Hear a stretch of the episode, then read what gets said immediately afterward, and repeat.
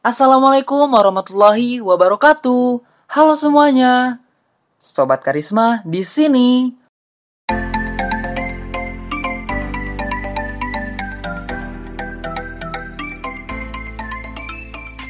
Halo semuanya.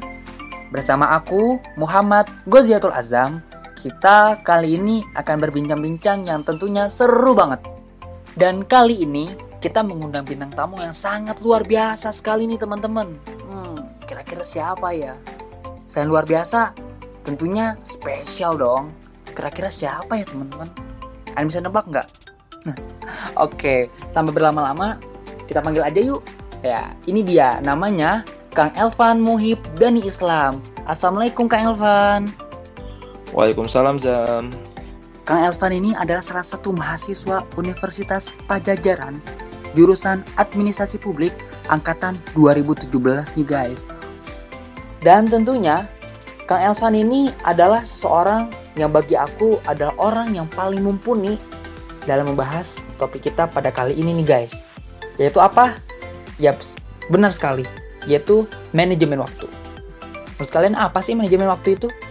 Kalau menurut secara pribadi aku, manajemen waktu itu adalah kita mengatur waktu ya sedemikian rupa agar detik per detik, jam per jam yang kita lalui ini tidak sia-sia. Dan kita sebagai remaja akan lebih produktif untuk menjalankan hari-hari kita nih guys. Nah, tentunya teman-teman di sini masih kepo kan apa sih manajemen waktu itu sendiri? Dan bagaimana langkah-langkah kita sebagai remaja agar bisa manajemen waktu itu? Nah, tanpa basa-basi, agar kita bisa menggali lebih dalam, yuk kita langsung ke materinya. Elvan, eh, apa sih pengertian manajemen waktu itu sendiri bagi kita kita kan tentunya remaja hanya mengartikan sebagai hanya mengatur waktu, tapi tidak tahu secara mendalam nih teorinya. Jelasnya kan? Siap. Oke, manajemen waktu. Kalau kita bicara soal terkait dengan manajemen waktu, jadi di sana ada terdiri dari dua kata, manajemen dan waktu. Manajemen adalah kalau kata George Terry, manajemen itu sesuatu yang berkaitan dengan perencanaan, planning, organizing, actuating, dan controlling. Bagaimana cara kita mengolah, mengorganisir sesuatu. Dan di sini ada waktu. Kita berbicara soal waktu, bagaimana memanfaatkannya dan memaksimalkannya. Jadi manajemen waktu itu adalah bagaimana cara kita mengorganisir, memanfaatkan dan mengoptimalkan waktu yang ada. Atau dengan kata lain bisa juga didefinisikan sebagai kita memanfaatkan waktu yang ada seefisien mungkin untuk mencapai kebutuhan kita yang banyak. Seperti itu. Wah, keren. Berarti secara tidak langsung manajemen waktu itu bisa uh, apa sih ber terbuang sia-sia waktu kita karena kita manajemen waktunya jadi uh, bisa uh, menimbulkan suatu hal bermanfaat. Nah, oke, okay. uh, mungkin selanjutnya uh, bagi kita nih ya, bagi khususnya pada remaja masih meremehkan searti penting manajemen waktu ini. Nah, menurut Kang sendiri, seberapa penting sih manajemen waktu itu? Manajemen waktu seberapa penting? Itu sangat penting. Bahkan kalau misalnya kita mengingat ya apa yang pernah sama-sama kita pelajari dalam Al-Quran surat Al-Asr Allah bersumpah atas nama waktu wal asr demi waktu demi masa saking pentingnya Allah tekankan di sana nah, kemudian bagaimana kita mengetahui kenapa manajemen waktu itu penting kita memiliki waktu yang sama 24 jam Sering nggak teman-teman merasa bahwa aku kurang 24 jam tuh? Kak, aku kurang 24 jam, kayaknya aku tuh butuhnya 26 jam. Kayaknya aku butuhnya 30 jam. Serasa waktu itu sangat padat, sangat penuh sehingga kita tidak bisa menggunakannya sebaik mungkin. Sehingga kita tidak bisa mengatur waktu dengan baik karena merasa 24 jam itu kurang. Dan kita bisa membuat itu menjadi efektif dan seefisien mungkin dengan manajemen waktu. Seperti itu, Zam wow keren ya. Bahkan Allah pun uh, banyak sekali surat-surat yang dalam Al-Quran itu membahas tentang waktu ya. Karena betapa penting waktu. Sekali uh, kita melewatkan waktu dengan sia-sia dan waktu itu tidak akan kembali lagi gitu. Makanya bagi teman-teman kalau kita bisa uh, memanfaatkan waktu manfaatkanlah sebaik-baik mungkin kalau bisa kita menjadi pribadi yang sangat produktif untuk waktu itu nah uh, baik um, setelah uh, tadi teman-teman mendengarkan pentingnya uh, manajemen waktu ini, apa aja sih manfaat-manfaat yang bisa kita raih dari kita manajemen waktu? Oke, manfaat yang dapat kita raih ketika kita bisa manajemen waktu. Ini manfaatnya ada banyak banget Zam. Manfaat ketika kita bisa manajemen waktu itu kita bisa mencapai tujuan. Jadi kalau kita punya tujuan nih, itu nggak sesederhana, eh oke okay, punya tujuan gitu. Tapi dia harus kita breakdown. Bagaimana timingnya, planning waktunya buat mencapai tujuan itu. Misalnya nih ya contoh, contoh kita pengen pengen hafal satu juz aja di bulan Ramadan. Nah buat hafal satu juz berarti kita harus tahu kan, oh satu juz itu ada berapa halaman. Oke di bulan Ramadan kita pengen hafal juz 29 misalnya. Total satu juz di halaman 29 itu ada 21 halaman misal. Nah, dalam 21 halaman ini berarti kita manajemen waktu di sana nih. Berarti satu hari kita ngafal. Ngafal berapa halaman? Misalnya satu halaman. Satu hari ngafal satu halaman. Buat merojahnya waktunya kapan, buat ngafalnya kapan gitu, itu diatur. Jadi kita bisa mencapai tujuan itu dengan manajemen waktu. Kemudian manajemen waktu itu bakal membuat hidup kita itu terasa lebih ringan, nggak stres gitu. Banyak orang yang stres gara-gara waktu.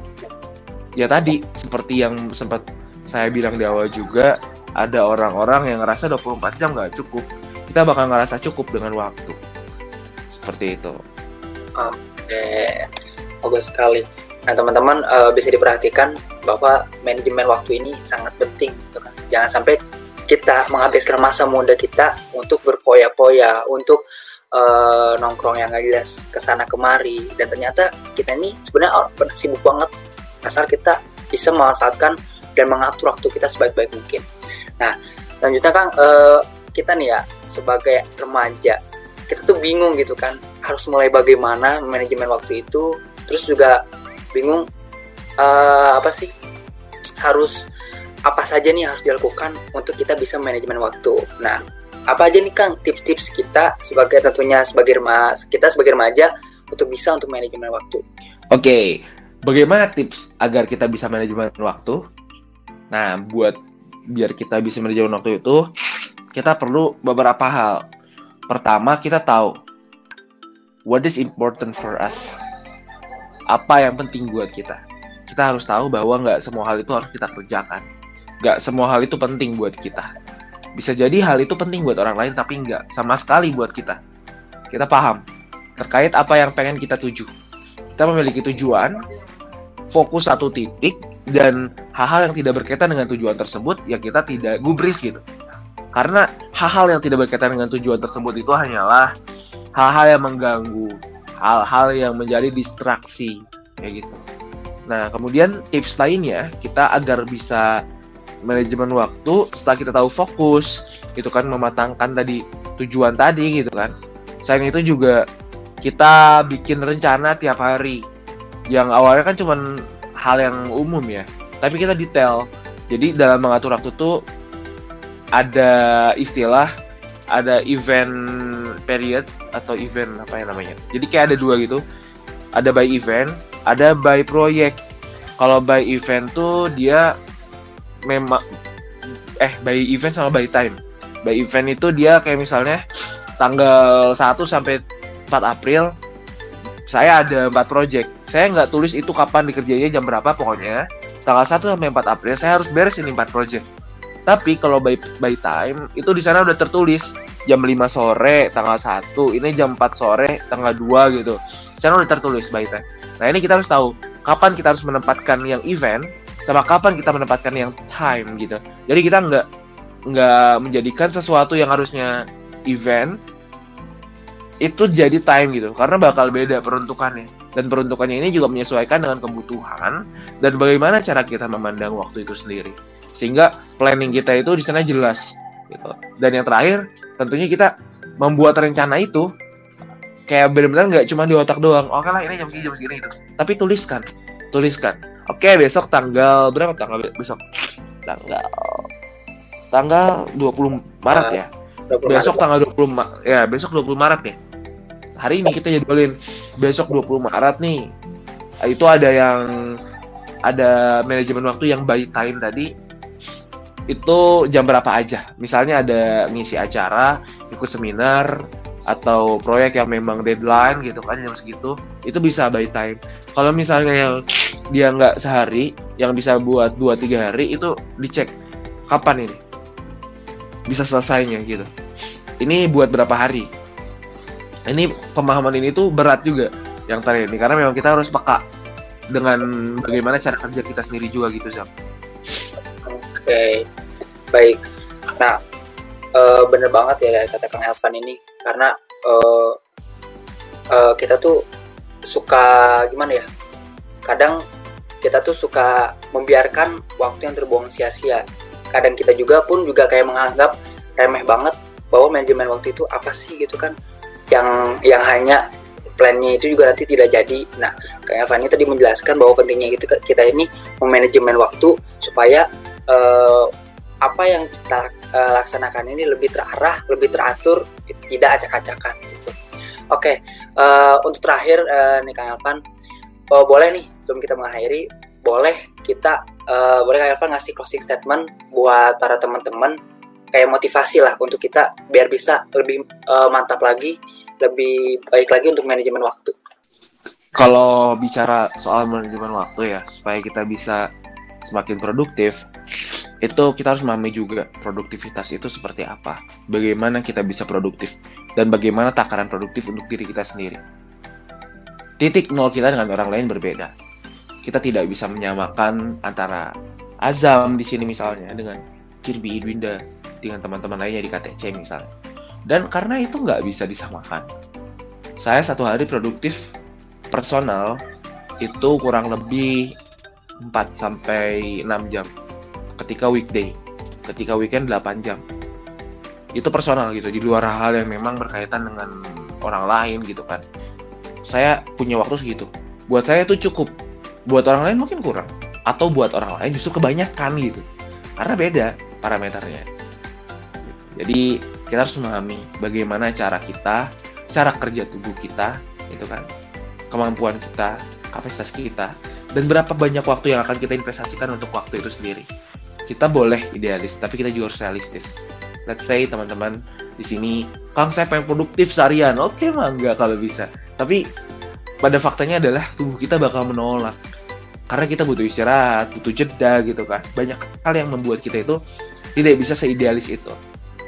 Jadi dalam 24 jam itu orang-orang normal produktif secara personal itu minimal 2 jam. 2, 3, 4 jam. Ketika bisa lebih dari 4 jam itu bagus. Jadi ini juga termasuk ukuran yang perlu teman-teman tentukan. Seperti itu, Sam. Oke, Masya Allah banget.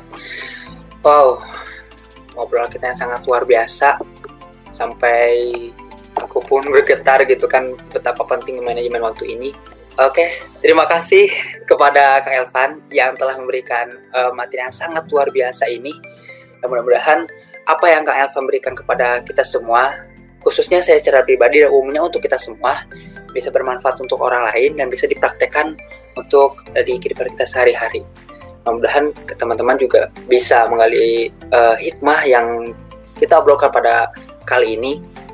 Uh, sekali lagi jazakallah uh, pada Van telah materi. Oke, okay, uh, alhamdulillah uh, obrolan-obrolan yang sangat luar biasa uh, berakhir dan uh, jangan lupa